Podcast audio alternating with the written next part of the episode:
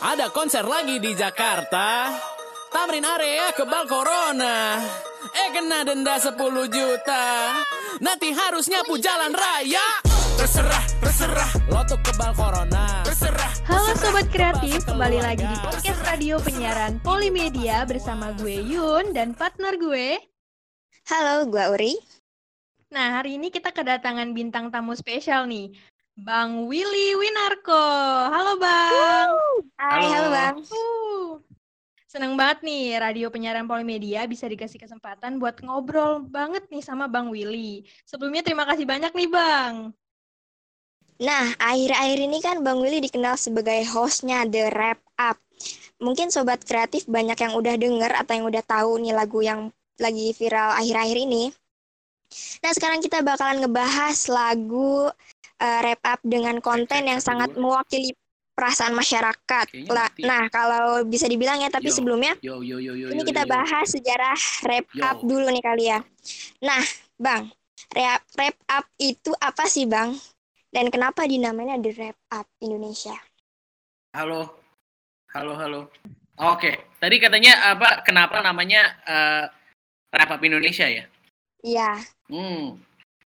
Jadi kalau rap up itu sebenarnya adalah sebuah terminologi eh, di luar negeri eh, di mana ada seorang rapper, dia itu mengerangkum semua ibaratnya berita-berita, hal-hal yang memang lagi happening selama satu tahun. Nama rappernya Skills. Itu dia di Amerika sejak tahun 2004 sebenarnya dia udah membuat eh, the rap up itu gitu. Nah, dulu pada saat eh, aku masih SMA, aku suka banget Hmm. nontonin itu gitu. Terus aku mikir, ah pengen ah suatu hari kita bikin sesuatu seperti itu gitu.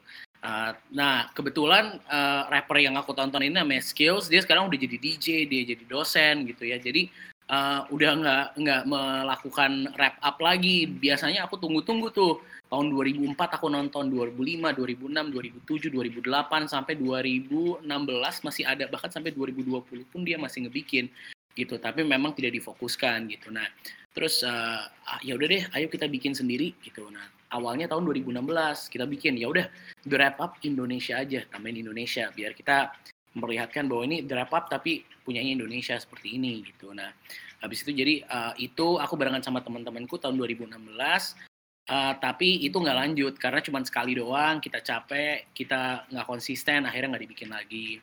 Nah fast forward tahun 2019 akhirnya kita bikin lagi barengan sama tim. Di sini kayak ibaratnya ada investor yang yang mau uh, memberikan dana gitu ya. Tapi uh, itu juga cuma berlangsung paling 5 sampai 6 episode. Semuanya i- ini kalau ngomongin tentang produksi ini yang paling mahal yang Iya. paling bagus kameranya bagus uh, studionya Wih. bagus, semuanya mantep lah gitu Mm-mm. pokoknya. Bisa Eh, tapi duitnya- niat gitu ya Bang. Niat, niat banget. Mm-mm. Tapi akhirnya eh, ya duitnya habis gitu, kayak nge-hire kru gitu-gitu. Akhirnya kita selesai, kita bungkus 5 episode gitu. Nah terus aku sangat menyayangkan banget, kayak aku suka banget nih dalam arti eh, dalam karyanya bagus, terus juga ini ini kan Hmm. menurut aku rap up itu awalnya cuma latihan, latihan aku nulis gitu, nulis lagu dan akhirnya eh, di akhir tahun 2019 ya udah deh kita bikin aja, tapi kita bikin yang low budget aja ya, nggak usah susah-susah. Aku barengan sama temen aku kuliah aku bikin semuanya pakai HP, kita beli lampu di Tokopedia 200 ribu. Pokoknya kita modal 500 ribu doang, kita shoot sendiri, pakai handphone, eh, edit sendiri, mixing sendiri. Terus akhirnya yang itu, yang ibaratnya kalau menurut kita produksinya jelek banget, malah Mm-mm. di dilihat sama banyak orang dan orang-orang pada suka banget gitu sama kontennya terus kayak oh jadi ternyata nggak usah ngeluarin duit banyak ya untuk bikin konten Mm-mm. seperti ini ya ya udah deh kalau gitu kita lanjut lagi kita lanjut lagi bikin video pertama video kedua video ketiga sampai akhirnya kita bikin uh, satu video. Nah ini ini sebagai turning point dari Wrap Up itu adalah pada saat kita membuat Kaleidoskop 2019 kita merangkum semua uh, berita-berita yang terjadi di tahun 2019 Nah, di sinilah awalnya di mana kayak orang-orang suka banget di repost sama banyak orang dan akhirnya mulai ya bisa dibilang eh, tanda kutip viral itu di tahun 2019 akhir ini. Oh, jadi emang udah dari eh, tahun 2019 akhir itu sampai sekarang yang mulai diseriusin yang versi low budget itu ya, Bang ya? Iya, malah yang Nah. serius gitu low budget. yang low Hmm. budget malah yang yang paling bisa Yang, gitu. Keren Berarti intinya memaksimalkan yang minimal. Ya, berarti nggak usah yang wah-wah dulu ya. Dari hal yang sederhana aja gitu. Iya betul. Ya itu itu Betul, tadi sih pelaj- pelajaran pelajaran kita dari situ adalah eh, kayak eh, sebenarnya kita nggak butuh barang-barang yang mahal, nggak butuh studio yang mahal, nggak butuh kru yang banyak. Yang penting sebenarnya konsisten Hmm. aja, Se- seadanya aja. Tapi kita konsisten ternyata bisa ya seperti kayak gitu. Wah, keren. Nah, dari yang 2019 itu kira-kira udah berapa konten nih Bang sampai sekarang? Mu- kalau misalnya kita hitung satu bulan ada empat konten ya, itu berarti Hmm. ini kita udah berjalan enam bulan, berarti ada 24 konten. Tapi itu yang eh, versi berita, dalam arti itu eh, lagu-lagu yang merangkum berita. Tapi selain itu juga kita membuat beberapa lagu-lagu collab atau mungkin eh, beberapa lagu tentang topik-topik yang eh, spesifik. Misalnya kita kemarin bikin tentang lagu tentang matematika. Kita bikin lagu Hmm. tentang eh, ya kita anak muda yang kita rasa pada saat kita baru lulus kuliah tuh kayak gimana ya seperti itu. Jadi mungkin kalau udah di- ditambah semua mungkin bisa sampai 50 ya. Jadi Wah, banyak juga ya banget. Iya, betul, betul. Terus apa nih Bang? Motivasi ngebuat The Rap Up ini? Iya, goals-nya gitu loh, Bang. Oke, kalau kalau untuk goalsnya sendiri, eh, The Wrap Up ini kita bikin no- nomor satu memang kita pengen supaya orang-orang ngedengar berita itu nggak nggak boring gitu karena kan banyak banget teman-teman kita yang yang nggak mau nonton berita karena merasa kayak ah boring banget eh, gitu-gitu aja gitu. Benar-benar. Iya kan Bener Nah, kita itu. itu. Nah itu dia kita pengen oke gimana caranya biar kita kemas biar semua orang bisa ngedengar dan eh, walaupun nggak dalam tapi mereka bisa nge-spark akhirnya nanti bisa mau riset sendiri gitu research sendiri. Nah di situlah awalnya The Wrap Up eh, niatnya tuh mau seperti itu. Bahkan kita tuh awalnya juga nggak memikirkan uang atau followers atau eh, viral. Kita nggak mikirin itu. Yang kita Mm. pikir kayak gini yang penting kita punya target. Eh pokoknya kalau yang nonton seribu itu pokoknya kita udah masuk target aja. Kita pengen ada seribu orang yang nonton. Udah itu aja gitu. Eh, itu Sekarang udah target kita lebih. cuma itu. Alhamdulillah sekarang udah lebih gitu. Pokoknya kita Mm-mm. cuman mau itu aja gitu. Oke kalau ya misalnya yang nonton cuman seribu orang yang nge-follow kita cuman 2000 orang itu nggak masalah. Tapi yang penting kita bisa memberikan konten terbaik untuk 2000 orang yang nonton kita kayak gitu. Keren. Jadi yang awalnya nggak pengen serius-serius banget malah jadi eh, diseriusin gitu ya, Bang ya. Iya betul betul. Karena memang eh, aku dan tim aku juga kita punya pekerjaan lain. Kayak misalnya aku kan penyiar radio jatuhnya bukan Eh, maksudnya eh, di musik rap memang aku eh, bikin lagu terus tapi aku tidak me- menghasilkan uang dari lagu aku gitu. Nah aku ibaratnya itu oke kita bikin aja Hmm. biar untuk untuk orang bisa ngedengar. Eh, tapi ya udah kita nggak nggak serius untuk mencari uang atau popularitas. Teman-teman aku yang benar, lain benar. juga yang satu dia guru musik, yang satu dia punya perusahaan, Hmm, yang satu dia eh, editor video di perusahaan besar gitu. Jadi kita udah punya pekerjaan kita sendiri-sendiri, tapi ini ibaratnya side project ya. Tapi ternyata makin lama, ternyata udah lima bulan berjalan, enam bulan berjalan bisa diseriusin kayak gitu. Keren. Nah nih, Bang, kan yang viral-viral itu kan cepet banget nih berubahnya. Sedangkan kan konten lu emang dia tiap minggu gitu kan ya kalau nggak salah ya. Nah, Iya. itu gimana sih cara lu bikin lirik yang kritis buat ngerangkum itu semua supaya istilahnya tuh nggak basi gitu bang, nggak ketinggalan. Jadi kayak misalnya lu udah targetin harus hari Minggu upload. Nah kayak gitu kan bikin lirik terus nyesuain beat, tempo segala macam itu kan nggak mudah gitu. Nah itu gimana caranya bang? Mungkin eh, ini pelajaran juga sih kayak dulu gue sempet kerja juga di eh, sinetron, jadi bikin musikal. Jadi setiap hari kita Wih. bikin lima lagu, eh, setiap hari harus jadi lima lagu, naik jam 5 eh kita bikinnya jam 12 malam, udah naik jam 5 sore besoknya dan 5 sore besoknya udah harus lima lagu semuanya gitu. Jadi secara workflow udah kebiasaan dan itu kan dilakukan setiap hari. Kalau sinetron kan stripping ya jatuhnya. ya. Jadi Iya Eh, eh, jadi kejar tayang banget. Nah, ya eh, kita di wrap up ibaratnya menggunakan eh, metodologi itu. Jadi kita menggunakan formula itu. Ya udah berarti kita kejar tayang nih harus seperti ini biar nggak basi Hmm, gitu. Jadi sekalian ngelatih gitu ya bang buat deadline segala macam gitu.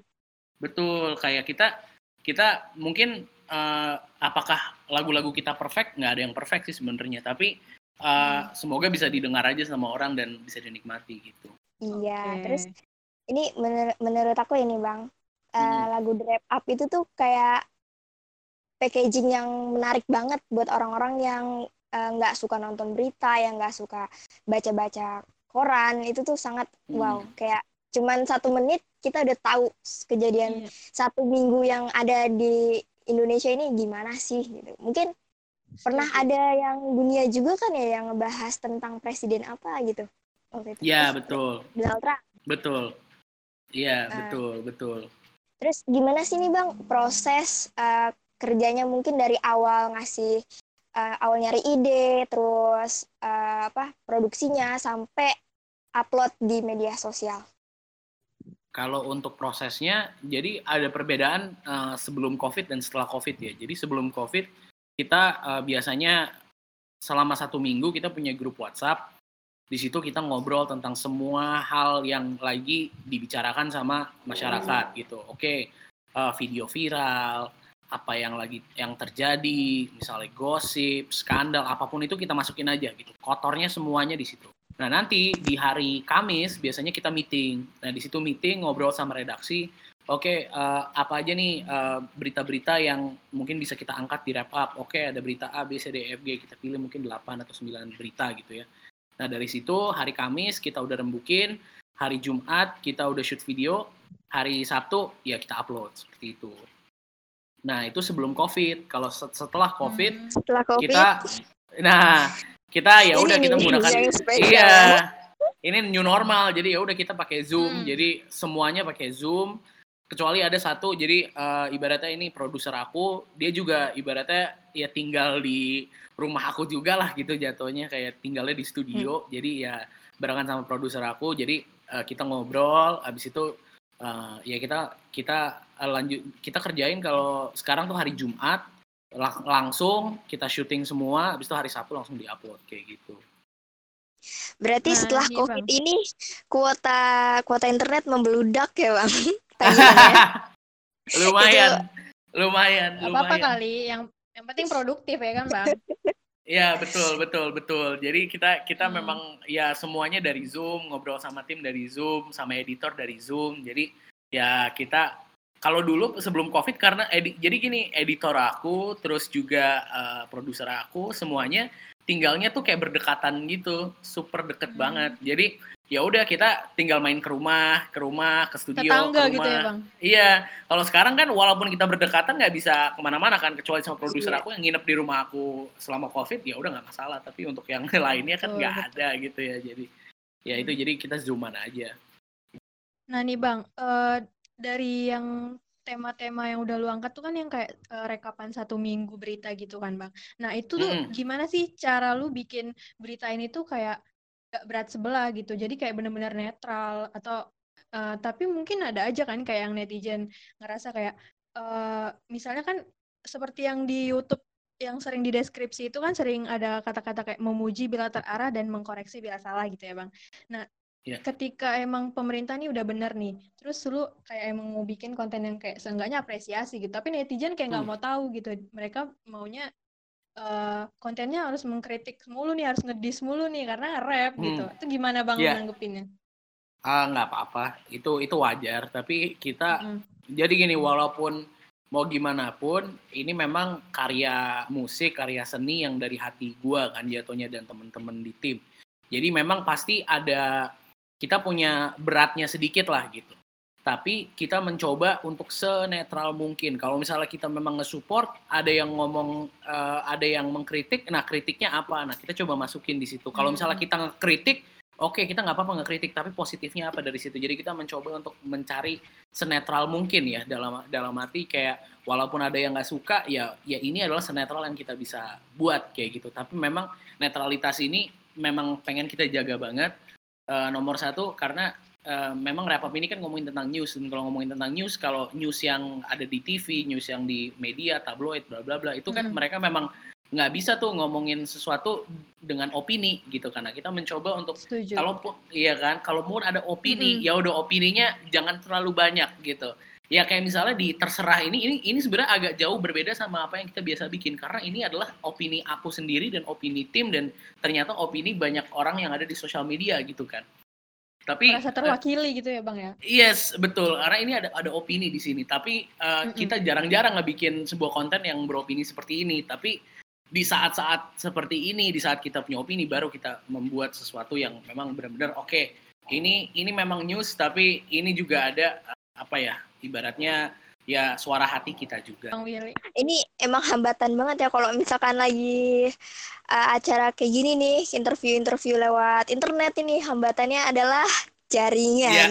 iya, Itu betul. Pernah, pernah gak sih, Bang, lu Mm-mm. kayak lagi eh, lagi ngobrol nih, misalkan sama salah Ah. satu stasiun TV atau Ah, lagi ah. diinterview sama orang lain, terus Ah. tiba-tiba koneksinya terputus seperti Wah, itu. Itu sering banget sih terjadi sih itu. Apalagi kalau kita apa namanya punya. Jadi kalau misalnya kita ngobrol sama brand yang ibaratnya nggak sponsorin kita gitu kan, wah itu itu kalau misalnya putus berabe kan jatuhnya. Terus waduh ini Mm-mm. sulit gitu. Jadinya kita harus Sulit. iya harus harus on point banget kan. Padahal Mm. ya jaringan kan nggak ada yang bisa ngontrol ya namanya juga jaringan ya yang Mm-mm. punya Setuju, kita kan setuju. iya tuh ya jadi ya udahlah kita kita lakukan yang terbaik mungkin aja. aja. gitu. betul betul betul Berarti abis lagu terserah ini bakalan ada lagu sulit. mungkin mungkin kita nggak tahu Hmm. jadi biar- karena kan eh, eh, eh, mungkin bisa tuh bang dibikin karena kan kita udah tiga bulan nih di rumah aja tanpa melakukan apa pun yes. dan Yes. orang-orang mungkin ada yang aware ada yang enggak sampai muncullah lagu terserah abis terserah langsung kayak sulit sulit sulit gitu Ah, iya ngomongin tentang Intinya yang uh, ah, ah, ngomongin tentang lagu berikutnya itu sebenarnya kayak kita tuh biasanya hari Senin, hari Selasa, hari Rabu itu waktunya kita cooling down biasanya kayak oke kita mau Hmm. diem dulu, kita mau main game, kita mau uh, guling-guling di kasur, pokoknya nggak mikirin tentang wrap up dulu lah gitu kan. Biasanya hari Kamis kita baru overdrive tuh. Terus kayak Hmm. pada saat terserah ini Jadi- masuk ke grup WhatsApp jadi jadi besar gitu. Akhirnya jadinya kita kerjanya interview ke mana-mana gitu kan. Kayak wah ini ini ini beneran new normal juga nih buat kita nih. Jadi kita lagi mencoba untuk beradaptasi juga. Jadi waktu untuk cooling down itu emang harus ada juga gitu ya bang. betul betul. Itu itu penting sih karena kalau dulu kita pernah bikin kayak tiga lagu per minggu ya. Waktu itu ada ada dua minggu di mana kita bikin tiga lagu per minggu. Bukan cuman karena ada apa ya ada ibaratnya ada kan kita untuk mendapatkan eh, uang di wrap up ini kan kita butuh sponsor ya kadang-kadang. Terus kayak kita masuk sponsor gitu bikin bikin lagu buat mereka atau bikin jingle buat mereka gitu kan habis itu dikirim ke sana. Itu kan butuh waktu juga. Nah kita pernah tuh melakukan kayak sedalam waktu satu minggu ada yang mau bikin lagu ada wrap up mingguan yang biasa kita lakukan plus kita punya kolaborasi. Wah itu yang namanya susah banget. Itu wah kepala mau pecah gitu kan otaknya kan. Mungkin pada minggu itu nggak masalah tapi Waduh. minggu depannya Hmm. minggu depannya kita jadi nggak produktif. Jadi cuma bisa ngeluarin satu konten. Jadi eh, akhirnya juga kayak oh, cooling down tuh sangat penting banget sih especially buat kita yang ada di di seni gitu ya kayak at, at least nyari at least ada downtime buat kita nyari inspirasi gitu kali ya. Nah nih bang, yang gue penasaran nih bang, lu kan sebagai rapper, terus lu Mm-mm. biasanya juga eh, apa? Kalau rapper itu kan pasti ada apa? Kultur buat ngedis gitu bang. Nah lu ada nggak Hmm, sih hmm. kayak pengen ngedis personal? Biasanya kan lu ngedis nih kayak rekapan doang gitu, kayak personal gitu, atau enggak collab gitu? Ah. Ada kepikiran gak sih Ah. bang? Heeh. Kalau buat gua, kalau collab kita udah melakukan sering banget. Dalam arti kalau collab itu ya mungkin se- setiap bulan ada dua lah at least ya, ada dua atau tiga gitu. Tapi kalau untuk ngedis, eh, aku punya punya filosofi sendiri sih kayak kalau apa yang kita berikan ke luar itu bakal balik lagi ke kita gitu. Jadi kalau misalnya kita ngasih sesuatu yang negatif keluar, ya yang negatif bakal balik lagi. Tapi kalau kita ngasih sesuatu yang positif keluar, maka yang positif akan balik lagi ke kita gitu. Jadi aku kalau ngedis tuh rada males sih ya. Aku kayak didis Hmm, pernah. ngedis secara positif Iya. gitu bang. Iya, kayak ngedi aku didis sering gitu kayak suka Mm. ya ibaratnya di komen aja banyak. Habis itu yang bikin Iya, lagu ngedis aku juga ada waktu itu, tapi aku Mm. nggak mau ngebalesnya gitu karena menurut aku nomor satu eh, ya waktu aku sangat apa ya precious gitu. Um, kita kan konten bikin setiap minggu ya jatuhnya ada lagu lagi, ada lagu lagi, ada lagu lagi. Untuk Betul, diem, betul. habis itu bilang oke ini orang ngedis kita, ayo kita dis balik atau mungkin ayo Hmm. kita bikin lagu dis ke orang gitu. Itu kita nggak punya waktu sebenarnya karena jatuhnya kita harus selalu membuat konten. Kita ada banyak banget. Jadi kita sesibuk itu sampai kita nggak bisa tuh kayak mikirin hal-hal kecil seperti itu. Jadi kalau untuk ngomongin ngedis nomor satu, aku nggak mau ngeluarin uh, energi negatif. Nomor dua, ya memang kita nggak ada waktu aja untuk melakukan itu. Wih, keren. Berarti intinya kayak nggak nggak bukan berarti rapper itu emang harus ngedis-ngedis gitu ya, Bang. Ada cara lain untuk menyampaikan karya gitu ya, Bang. Iya betul. Juga nge-rap juga sebenarnya yang nomor satu cuman pengen nyuarain apa yang ada di ya yang ada yang ada di kita gitu ya, aja. Bu- mungkin lebih ke ke akunya juga gitu kayak Hmm. dulu aku hmm, ibaratnya aku tuh awalnya ngedengerin lagu rap itu kan karena uh, aku suka sama message yang ada di dalam lagu itu gitu. Terus uh, Setuju. dan dan message-nya itu kadang-kadang juga ada beberapa lagu yang aku dengerin itu karena memang aku lagi susah, terus aku lagi nggak enak, terus aku kayak lagi ngerasa sendirian. Pas aku ngedenger lagu-lagu yang aku suka, aku ngerasa ya terbantu. Gara-gara lagu itu aku ngerasa nggak sendirian lagi. Gara-gara lagu itu aku ngerasa lebih semangat lagi. Nah aku sebenarnya di musik cuman pengen melakukan itu aja sih. Jadi kayak ya bisa ya semoga musik aku bisa memberikan rasa yang sama pada aku dulu yang ngedengerin eh, apa pahlawan-pahlawan aku apa musisi-musisi yang aku dengerin gitu ya dalam arti Mm-mm. bisa menjadi menjadi teman dan juga bisa bikin aku semangat lagi gitu Jadi lu jadi lu tuh pengen juga eh, ngasih spread positivity lu itu ke pendengar lu gitu ya, Bang. iya benar kayak misalnya Keren. jadi ah, ah, kayak sebagai contoh aja misalnya gue waktu itu bikin lagu pada saat gue lagi down banget kayak gue waktu itu ngantor abis itu di kantor gue nggak enak banget terus gue ngerasa apa ya kayak hidup tuh hampa banget cuman buat kerjaan doang gitu kan. Terus ya udah gue bikin lagu aja waktu itu tahun 2017 namanya Kids. Itu ngomongin tentang kehampaan kita kayak ngantor nggak pakai passion ngantor cuman buat duit itu ternyata hampa banget gitu. Dan ternyata banyak yang merasakan hal yang sama terus mereka nge DM ke gue kayak iya man thank you banget karena gara-gara karya lo gue merasa oke eh, gue ada di tempat yang salah kayaknya gue harus pindah ke mana atau kayak gue harus nyari passion gue. Atau ada yang bilang oke lo jadi bikin gue semangat lagi. Ternyata gue nggak sendirian di sini gitu. Dan dan itu sih hal-hal yang yang gue yang yang ap- apa ya kayak ke yang apa ya pay off atau bayaran yang paling besar tuh kalau menurut gue tuh di situ gitu. Di saat kayak lagu lo malah menjadi soundtrack buat orang dan bikin mereka semangat dan memberikan nilai tambah dalam kehidupan mereka kayak gitu. Iya, jadi kayak motivasi gitu ya, Bang. iya betul betul membuat mata semua orang terbuka dari satu lagu. Seperti lagu Yes. yang berfilm. iya betul betul Iya, betul Itu mengisahkan kita selama tiga bulan penuh di rumah tanpa ngapa-ngapain sampai punggung aja udah bosen tiduran. Ya sih? tiduran bosen. Iya. Tiduran tiktokan sampai dari bikin kopi dalgona yang enggak ngembang-ngembang sampai udah ngembang banget sampai sekarang belum juga masuk. Ya. Ah, iya betul betul betul ya semoga nggak sia-sia lah semuanya lah itu Iya. pasti semoga Semoga aja masih bisa melakukan aktivitas seperti biasanya. amin amin amin amin amin Oh ini Bang, di balik The Wrap Up ini ada berapa orang sih totalnya? Total kayak krunya gitu. Yang Jadi kalau- membantu.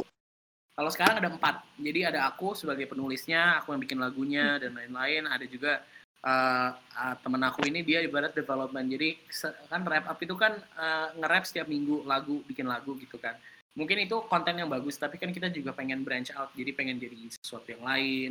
Atau mungkin uh, kita pengen supaya ada yang nge-support gitu, ada uang yang masuk. Nah ini ada temenku yang development.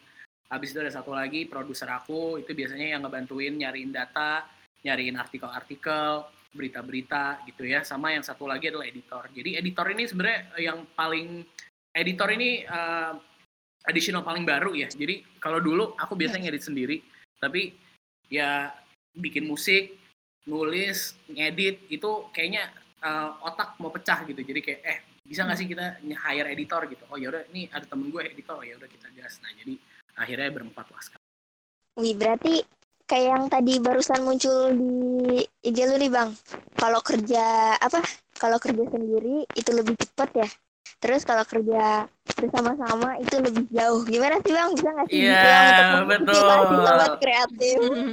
betul betul iya itu dia sih kayak eh, itu dia kayak kalau mungkin kalau ngomongin tentang ngedit gue jauh lebih cepat daripada editor gue yang sekarang tapi Hmm. eh, akhirnya gue ya mati juga kayak ngerjain semuanya sendiri kan gitu kan ya gue harus mulai melepas tanggung jawab gitu nah pas awal-awal wrap up ini di edit di edit editingnya bukan sama gue gitu gue sangat berat hati. Karena ibaratnya ini adalah ibaratnya kayak bayi gue gue yang ngedit terus kayak ini konten yang bener-bener gue banget lah gitu.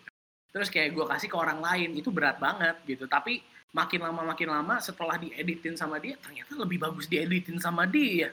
Wah kadang-kadang gue juga ngerasa aduh dasar nih parah nih ma- dia udah melebihi gue Salah sekarang kalau ngedit. iya exactly kayak dia malah lebih jago gitu sekarang kan. Terus kayak ya udah nggak apa-apa ikhlas. Karena kan Mm. ya udah berarti itu itu itu jalannya dia. Ternyata dia dia jauh lebih Hmm. jago gitu ngedit ya dan dan sampai sekarang jadi editor gue namanya Aldi itu gue juga kayak seneng banget sih. Gila keren. Dia dia eh, sampai sekarang gue bangga banget sih. Kayak di, karena jauh banget. Jadi kalau ngomongin tentang wrap up tuh kita semuanya kecuali gue ya. Kalau gue kan memang di entertainment udah lama. Gue kan di entertainment 8 Mm-mm. tahun mungkin lebih gitu. Tapi kalau untuk teman-teman gue yang lain ini orang-orang berbeda yang satu di industri apa yang satu di industri apa gitu kan. Jadi mereka nggak ada di dunia hiburan gitu. Jadi mereka nggak ngerti flow-nya gitu.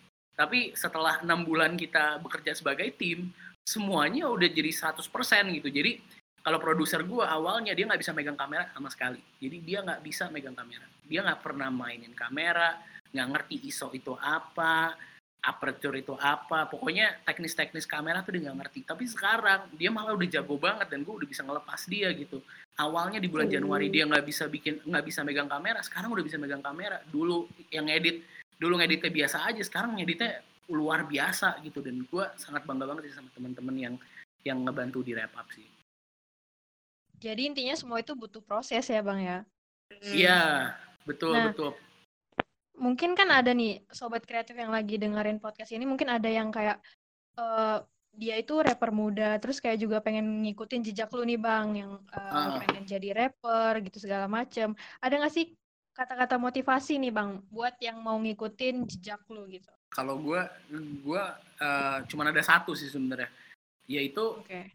lo lo kerjain sebelum lo bisa gitu jadi ini ini kesalahan gue juga sebenarnya. Kalau zaman dulu tuh yang gue kerjain adalah gue belajar 10 tahun baru gue berani ngeluarin lagu pertama gue gitu. Jadi gue nge-rap dari tahun 2004 gue baru ngeluarin lagu tahun 2011 berarti itu tujuh tahun ya.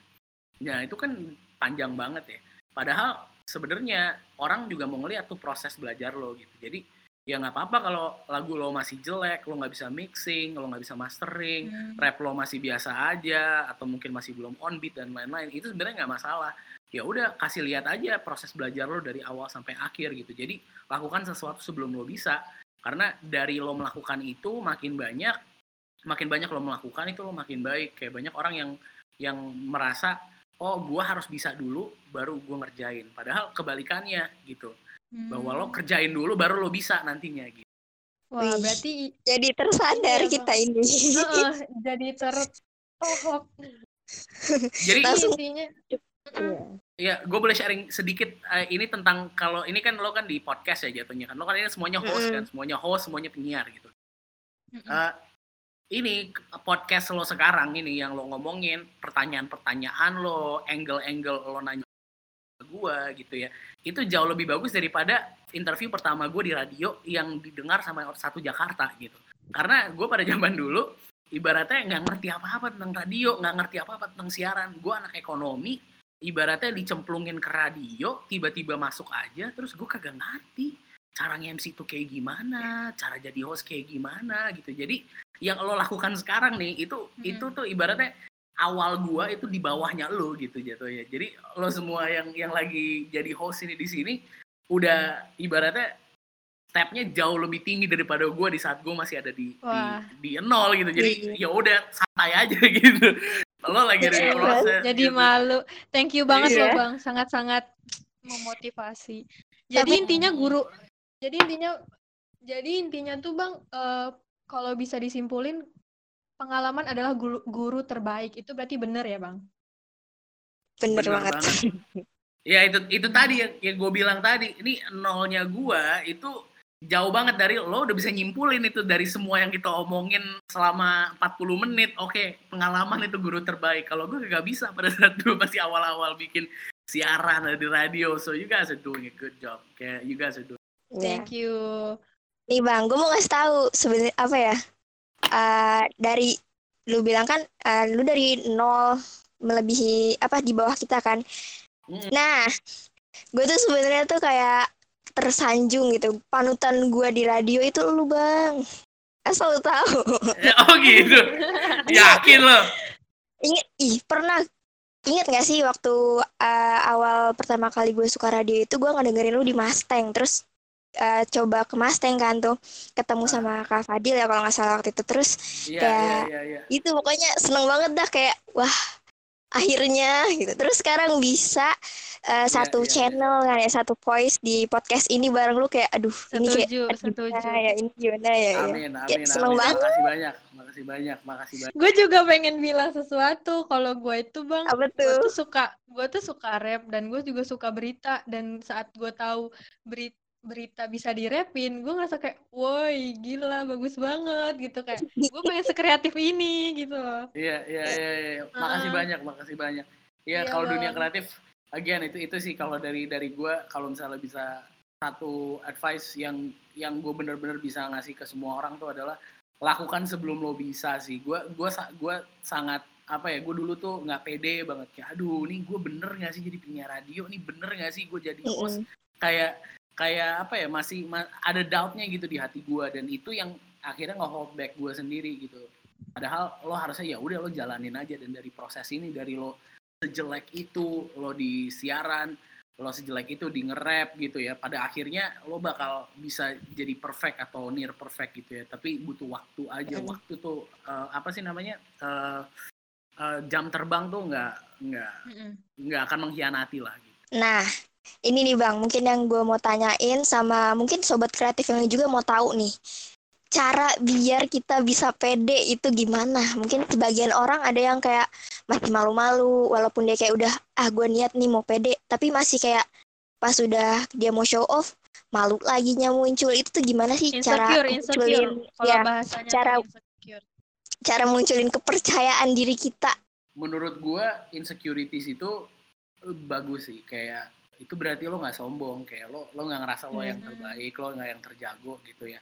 Jadi itu itu sebenarnya nggak apa-apa ada di dalam diri kita insecurities. Kayak sampai sekarang gua setiap gua ngupload video gue selalu berpikir ini bagus nggak ya? Ini bagus nggak ya? Ini bagus nggak ya? Sampai sekarang pun gua masih masih berpikir itu gitu. Dan itu itu mungkin nggak apa-apa ada di dalam diri kita. Tapi eh, yang harus kita ingat adalah kita tetap harus melakukannya walaupun kita takut itu aja. Kayak walaupun kita nggak pede walaupun kita takut kita harus kerjain dan itu butuh keberanian di situ. Nah akhirnya ya lo harus berani aja untuk melakukan itu walaupun lo nggak pede. Walaupun ya ibaratnya gini gue waktu itu pernah nge-host nge-host satu kompetisi. Ini sotoy aja sebenarnya gue kayak eh, oke eh, MC kita nge-MC di sini. Oke yang juara satu adalah SMA 23 ternyata yang juara satu SMA 75 terus waduh. wah aduh. Itu kacau kacau. Parah kan? Pastikan parah, Parah kan kalau sih. kayak gitu kan. Tuh? itu udah udah ke- kesalahan fatal sefatal fatalnya. Gue kira kehidupan gue dunia gue tuh bakal hancur setelah gue melakukan kesalahan itu. Ya ternyata life goes on lo tetap lo lanjut lagi lo gue kayak tetap lo siaran tetap lo nge-MC lagi di tempat lain tetap lo menjalankan ini. Jadi kalau lo salah ya memang kita mencoba tidak melakukan kesalahan tapi apabila terjadi kesalahan life goes on gitu. Dan dan eh, ya udah ya lanjut aja. Kalau misalnya lo memang passionate di sini ya udah lo lanjutin aja terus sampai lo bisa gitu. Walaupun ada kesalahan ya udah itu cuman sekarang kalau misalnya kita nggak look look back kesalahan itu yang menurut gua pada saat itu besar sekali dan dunia gue udah hancur sekarang cuman kayak jadi cerita lucu aja yang gue kasih tahu ke lo gitu jadi ya pada akhirnya dunia lo nggak hancur kok pada saat lo eh, melakukan kesalahan kayak gitu. Wah. Wih. Itu Wah, ini kita banyak banget ya hari ini dapat motivasi, terus dapat juga uh, Pelajaran. Iya, setuju dan banyak hal positif lah gitu ya. Nah, mungkin Mm. terakhir Uri ada pertanyaan kita tutup. Nah, pesan nih Bang buat masyarakat yang di buat eh, pesan buat masyarakat yang ada yang ngedengerin sekarang nih. Apa? menurut aku ya udah kalau kalau untuk Eh. eh, masyarakat dan ini ya again kayak di lagunya gue bukan siapa-siapa gue nggak bisa maksa apa pun gitu ya cuman ya kalau dari gue adalah ya udah ya kita we keep doing our thing kita kita semangat dan pada saat yang sama ya kita lakukan yang terbaik bukan cuma untuk diri kita sendiri tapi untuk semua orang yang ada di sekeliling kita. Kalau nggak kita melakukannya untuk diri kita sendiri, lakukan untuk orang-orang yang kita cintai. Kalau misalnya kita nggak harus keluar ya udah kita di rumah aja. Bukan karena kita uh, kalau kena covid nanti bakal meninggal, tapi mungkin karena kalau kita kena covid terus kita nggak meninggal, tapi uh, naujubillah orang yang kita cintai kena gara-gara kita kan itu kan nggak nggak lucu ya jatuhnya. ya. Jadi Iya. ya itu sih ya lakukan ini bukan karena kita takut lakukan ini bukan karena kita eh, ya takut sama apa yang ada di luar sana tapi kita lakukan untuk orang-orang yang kita cintai itu aja sih. Nah, jadi Keren. itu ya sobat kreatif. Jadi kita Lakukan melakukan untuk ini orang. itu iya, semuanya ini untuk orang yang kita cintai dan terutama untuk diri sendiri tentunya. Hmm. Bener. Nah, ditunggu ya Bang karya-karya selanjutnya. amin Selamat amin juga untuk Iya. lima ratus ribu viewers ya bang. Selamat juga Terima- buat untuk lima ribu ah berapa nih itu? Still counting, Ya, still udah, counting. udah, udah, yang udah udah ke Eh, sebut lagi makasih. digit ya. Selamat Iya. selamat terus juga eh, semoga karya-karya ke depannya lebih baik lagi, lebih bagus lagi, terus juga respon dari masyarakatnya juga lebih positif lagi. Terus juga Setuju. pokoknya yang baik-baik deh doanya. Mm-mm. Makasih, Dan sekali lagi, ya sekali lagi terima kasih banget nih Bang udah ngasih kita Udah mau- kesempatan. Terus Hmm. pokoknya sukses terus buat Bang Willy Winarko. Semoga bisa karyanya terus keep it up gitu ya Bang. Ya, ya, ya, gue gue yang makasih sama, ya maaf aja kemarin kayaknya lu udah ngumpul kayak gini, terus tiba-tiba guanya kelupaan, guanya ke skip, kayaknya itu nggak enak banget ya, jadi mohon maaf juga kemarin dan makasih Iya. juga udah ngundang gue di Iya. sini. Sama-sama Bang. Iya. Dan Sobat Kreatif, terima kasih udah dengerin podcast radio penyiaran Polimedia bersama gue Yun dan partner gue. dan gue dan gue Uri dan Bang Willy Wirarko. Dadah. Sekian Semoga- podcast kita. Semoga bisa Semoga bisa menginspirasi Sobat menginspirasi Kreatif. Kreatif dan Sampai sampai jumpa. jumpa. Oh iya nih buat eh, sobat kreatif yang mau follow eh, akunnya Bang Willy Winarko bisa di @willy_winarko dan @ig IG-nya The Wrap Up Indonesia. Ya? Terus juga kalau misalkan mau kalian mau dengerin podcast penyiaran Polimedia bisa banget ada di Spotify dan kawan-kawannya. Sekian dari kita. Dadah.